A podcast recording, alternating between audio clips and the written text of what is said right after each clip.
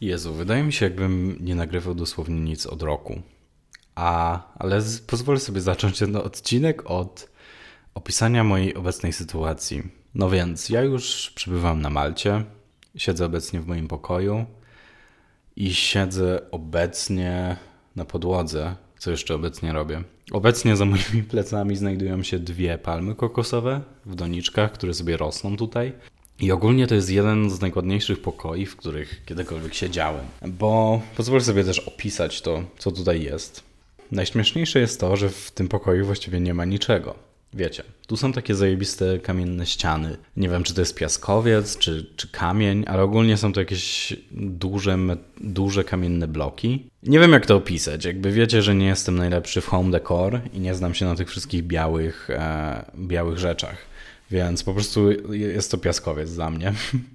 E, oprócz tego jest tutaj łóżko na paletach, szafa znaczy się, lustro i te właśnie rośliny. Czyli tak właściwie nie ma w tym pokoju nic. Jest bardzo pusto. Ale to w tym wszystkim jest chyba najlepsze. Wygląda to zajebiście i ja od zawsze czułem się najlepiej w takich właśnie bardziej pustych pokojach, bo kiedy jest jakoś najebane milion rzeczy, to czuję się w tym niekomfortowo. Jeszcze najlepsze tutaj jest okno, bo jest tam taka biała płachta, która chroni taras od słońca, ale jest właśnie, właśnie ona na moim balkonie, więc ja przez okno widzę tą białą płachtę, która wygląda jak żagle jachtu na niebieskim niebie, więc no ogólnie jest tutaj pięknie. I mam taką mini ochotę nigdy stąd nie wychodzić i w ogóle siedzieć tutaj do, bez końca i się opierdalać, ale wiem, że też nie mogę tak robić, bo Malta ogólnie jest bardzo ładna i chciałbym zobaczyć więcej tego wszystkiego. Więc to na tyle wstępu. A mówiłem, że wydaje mi się, że nagrywałem ostatni raz rok temu, bo prawda jest taka, że ostatni raz nagrywałem coś i dotknąłem w ogóle mikrofonu chyba 4 tygodnie temu.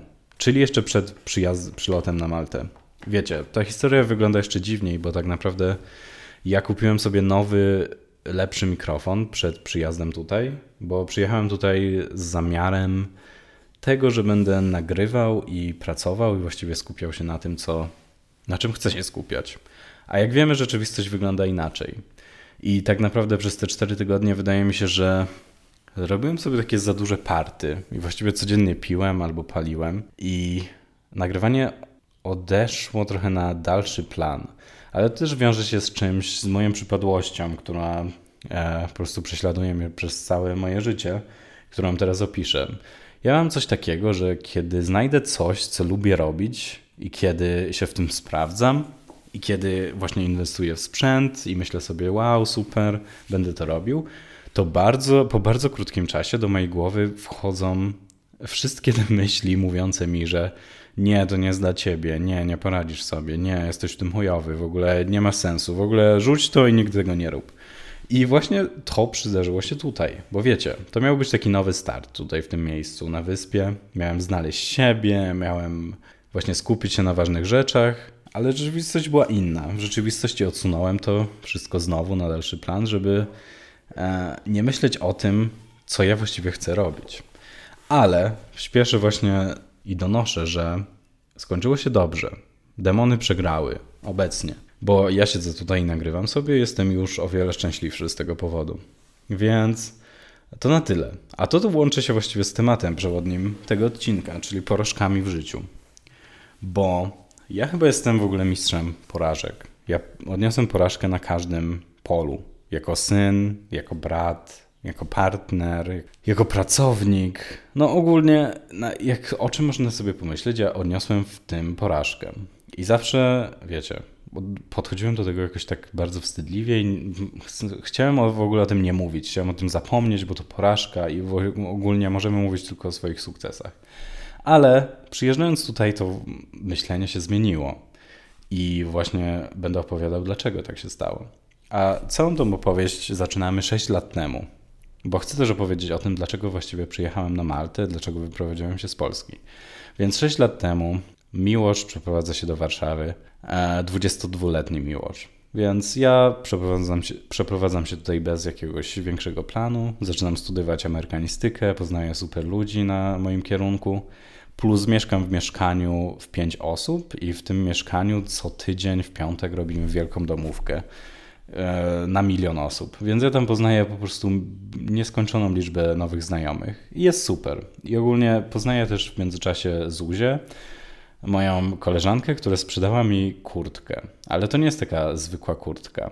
To była najpiękniejsza kurtka, jaką miałem, jaką mam, bo ta kurtka istnieje dalej.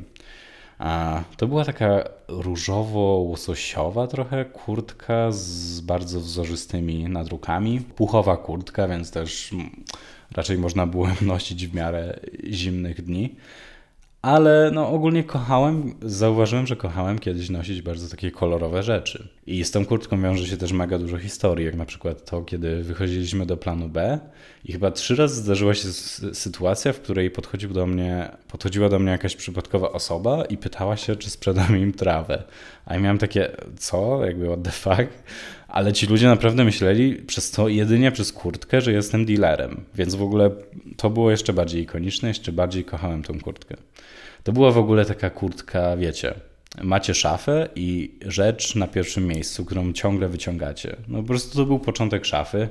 Ta kurtka ciągle była używana i ja nosiłem ją wszędzie. Tak, po prostu uwielbiałem ją, była też wygodna.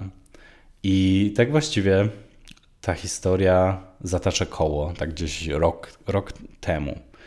Bo ja rok temu robiłem porządki w szafie i przeglądałem swoje rzeczy, wrzucałem niektóre rzeczy, oddawałem. I tak przeglądam te wszystkie ubrania i patrzę, że ta właśnie piękna różowa kurtka sprzed 6 lat nie jest już na początku szafy. Ona nawet nie jest w środku szafy. Ona jest dosłownie na szarym końcu tej szafy, pomiędzy jakimiś paletkami do badmintona, nie wiem jak to się wymawia już, a między właśnie tymi paletkami, a jakimś chujowym swetrem, który strasznie gryzie i nienawidzę go. Więc nie wiem, jakoś ten widok sprawił, że zacząłem się zastanawiać i zrobiło mi się jakoś tak strasznie smutno.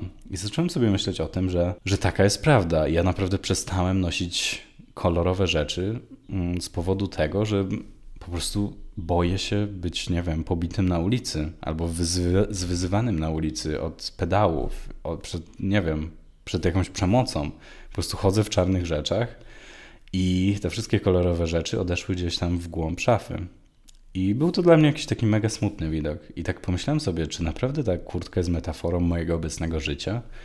Bo ja, prawda okazała się taka, że tak było. Ja naprawdę wróciłem w głąb szafy, tak jak moja kolorowa kurtka, bo po prostu boję się być sobą na ulicy. Tak właściwie rok temu doszło do mnie wtedy też, że czemu tak naprawdę mam spędzić tam swoje życie w miejscu, w którym nie mogę być sobą nie mogę pokazać nawet tego, kim jestem i co lubię i jakby co jest dla mnie ważne. Wiecie, to jest takie mega duszące uczucie, bo wiemy, że sytuacja w Polsce osób takich jak ja stała się bardzo ciężka. To nie wiem, jak to nawet opisać inaczej niż dusząco. Wiecie, odpalam sobie Instagram albo Facebooka albo coś, cokolwiek innego i widzę wszystkie relacje, na przykład mówiące o tym, że pracownicy karetki wyśmiali jakiegoś tam geja, który miał rozwalony nos i krwawił, jechał w tej karetce. Ci pracownicy jebanej karetki go wyśmiali, mówiąc, że e, powinien iść do Warszawki na jakąś paradę. I tak sobie myślę, że wow, ludzie po prostu pracujący nawet w takim zawodzie jak ratownik medyczny, po prostu wyśmiali kogoś, kto został brutalnie pobity. I takich wiadomości jest więcej. No takie wiadomości i relacje pojawiają się codziennie.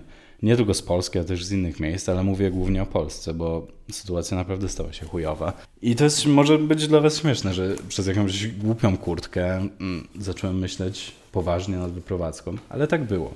I to właśnie było jakoś tak rok temu. Jak wiemy, wyprowadzka nie, nie przychodzi tak łatwo. Było dużo zobowiązań, duże też związania tutaj z osobami bliskimi, załatwień z pracy, inne takie rzeczy. Ja właśnie niedawno dostałem też e, propozycję pracy z Malty.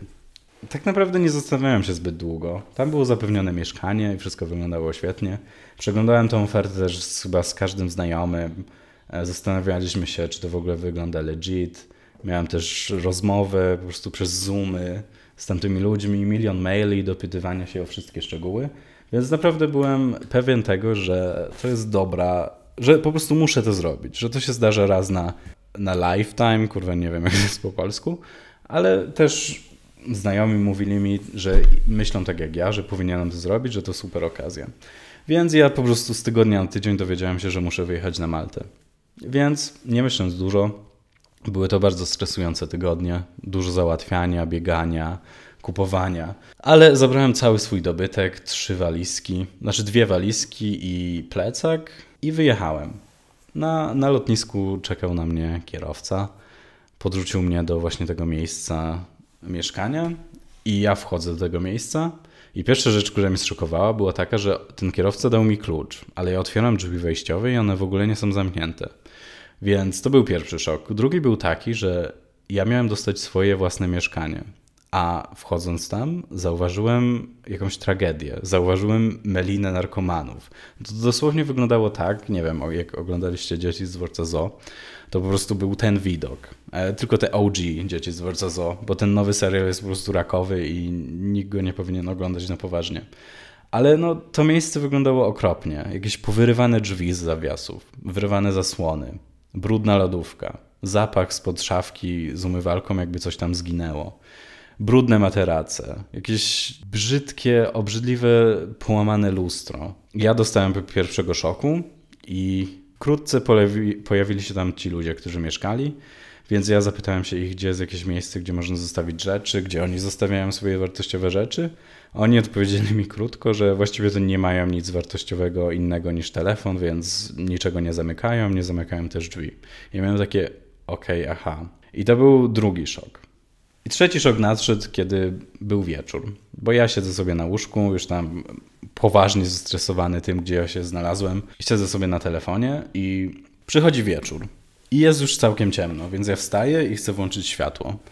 Ale podchodzę do, do, tej, do, tego przełącznika, przełączam go, a tam światło się nie świeci. Okazuje się, że tam nie było światła w wielu, w ogóle w większości pokoi. Więc ja, kurwa, wyobraźcie to sobie, ja sam, bez nikogo znajomego, siedzący w ciemnym pokoju, z latarką w telefonie, e, z całym dobytkiem życia, mm, świecę sobie latarką, w ogóle pakując się ponownie i zastanawiając się, co ja właściwie mam zrobić ze sobą. I jeszcze, żeby ta sytuacja była w pełni przedstawiała to, jak było wtedy, kończył mi się już powoli internet. Tam Wi-Fi nie działało w ogóle. Kończył mi się internet już mobilny. Mój telefon miał chyba 10% baterii i sam tego nie sprawdziłem, że na Malcie są inne wtyczki, więc żeby podłączyć się do wtyczki, potrzebuję jeszcze przejściówki. Więc ja po prostu już pełny atak paniki, siedzę tam po ciemku z tą latarką, pakuję się. Zadzwoniłem do M i oboje zastanawialiśmy się po prostu nad tym, co jakby można tam zrobić. I doszliśmy do wniosku, że ja po prostu spierdalam stamtąd, stamtąd tego wieczora. Spakowałem się po ciemku z tą latarką, zamówiłem Bolta na już wyłączającym się telefonie, podjechałem do hotelu. Jeszcze oczywiście historia była taka, że droga do hotelu była w budowie, więc ja z tą 20-kilową walizką, drugą walizką i plecakiem po prostu szedłem dźwigając to mój telefon z pokazaniem maila, jakby tam na rejestracji tego hotelu, już prawie jakby już nie działał, więc to było dosłownie 5 sekund, pokazałem ten telefon, mi się rozładował. Ale tam po numerze i po nazwisku udało mi się po prostu wejść do tego hotelu. Ale wiecie, to był tak wielki stres tego pierwszego dnia, że ja po prostu nie, nie wiedziałem, co się dzieje. Muszę też przyznać, że ja byłem w wyjątkowo dobrej sytuacji, bo pracowałem przed, przed właśnie wyjazdem na Maltę, odłożyłem swoje pieniądze i miałem też oszczędności, miałem też plan B. I to nie było tak, że jestem zmuszony tam zostać, jak właściwie większość tych ludzi, którzy tam była, z tego co wiem. Tylko miałem jakby to szczęście, że mogłem sobie wynająć hotel.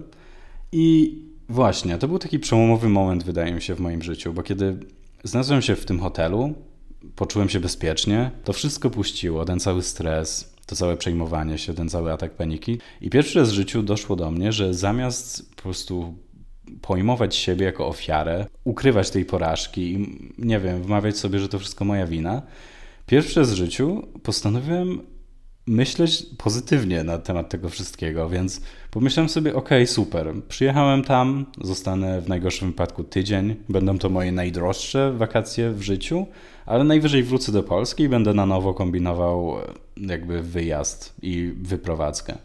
Więc to było dla mnie takie pierwsza rzecz, jakby pierwsza rzecz w życiu, kiedy po prostu to myślenie weszło. I tak sobie właśnie wtedy pomyślałem o tej porażce, że ja wszystkie moje porażki w życiu ukrywałem i tak naprawdę wstydziłem się tego, co się mi przydarzyło i nie wiem. Wydaje mi się, że większość z nas ta, tak robi. Jest pewna gloryfikacja sukcesu w społeczeństwie i wszyscy, nie wiem, chwalimy się tymi rzeczami, wstawiamy jakieś rzeczy, żeby się pochwalić, że co sobie kupiliśmy, jakie studia skończyliśmy, jaką pracę dostaliśmy. Ale nikt nie mówi o tym, jakby, jak jest chujowo i że na ten jeden sukces przychodzi dosłownie 100 porażek. I tak sobie pomyślałem, dlaczego wszyscy to ukrywają? Ja już nie chcę tego ukrywać. Więc wtedy w tym hotelu już zacząłem sobie po prostu notować w moim notatniczku pomysł na ten odcinek i o tym, że muszę to wszystko powiedzieć. I cała ta sytuacja jest jeszcze śmieszniejsza, bo już pierwszego dnia po tym, jak byłem w hotelu i po tym, jak się wyluzowałem zmieniłem podejście do tego wszystkiego i byłem nastawiony pozytywnie, zrobiłem to, co chyba wszyscy ludzie na wakacjach, czyli założyłem Tindera. E, bo chciałem ogólnie pogadać sobie z ludźmi, zobaczyć kto tam jest, czy ludzie są hot, więc zainstalowałem sobie tego Tindera, chodziłem na plażę, cieszyłem się życiem i już pierwszego dnia napisał do mnie K. E, K był Polakiem mieszkającym na Malcie, dokładnie na wyspie Gozo, więc obok Malty jest jeszcze wyspa należąca do Malty. Druga wyspa. Ogólnie wszystko jest tu wyspą, co jest jakby super i trochę żyję dlatego.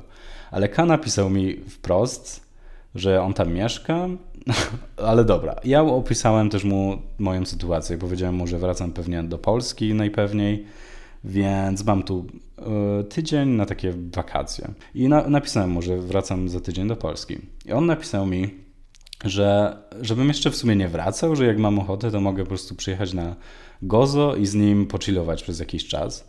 A poza tym napisał mi, że on ma tutaj swój biznes i tak naprawdę szuka kogoś do pomocy, bo na Malcie jest bardzo ogólnie ciężko o ludzi, których, którym można zaufać i który, którzy szybko i profesjonalnie będą ogarniać jakieś tam papierkowe rzeczy. Więc ja tak sobie pomyślałem, wow, minął jeden dzień, od kiedy mam pozytywne nastawienie i już znalazłem pracę, która wydaje się super i która wydaje się na dobrych warunkach i wydaje się właśnie z osobą, która jest bardzo miła i otwarta i i wiecie co, większość moich znajomych myślała, że jak tam pojadę, trafię, nie wiem, do burdelu, ale jakby przydarzyło się nawet coś lepszego. Więc ja tutaj jestem, e, nie zostałem zamordowany, mam się dobrze.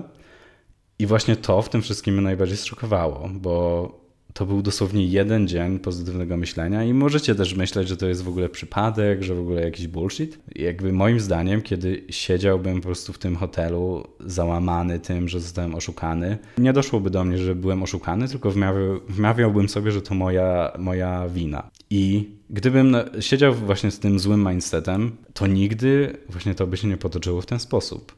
A wiecie, ja chyba jestem, jak to moja matka mówi, w czepku urodzony, bo to naprawdę trafiłem z najgorszego miejsca na świecie do najładniejszego miejsca na świecie.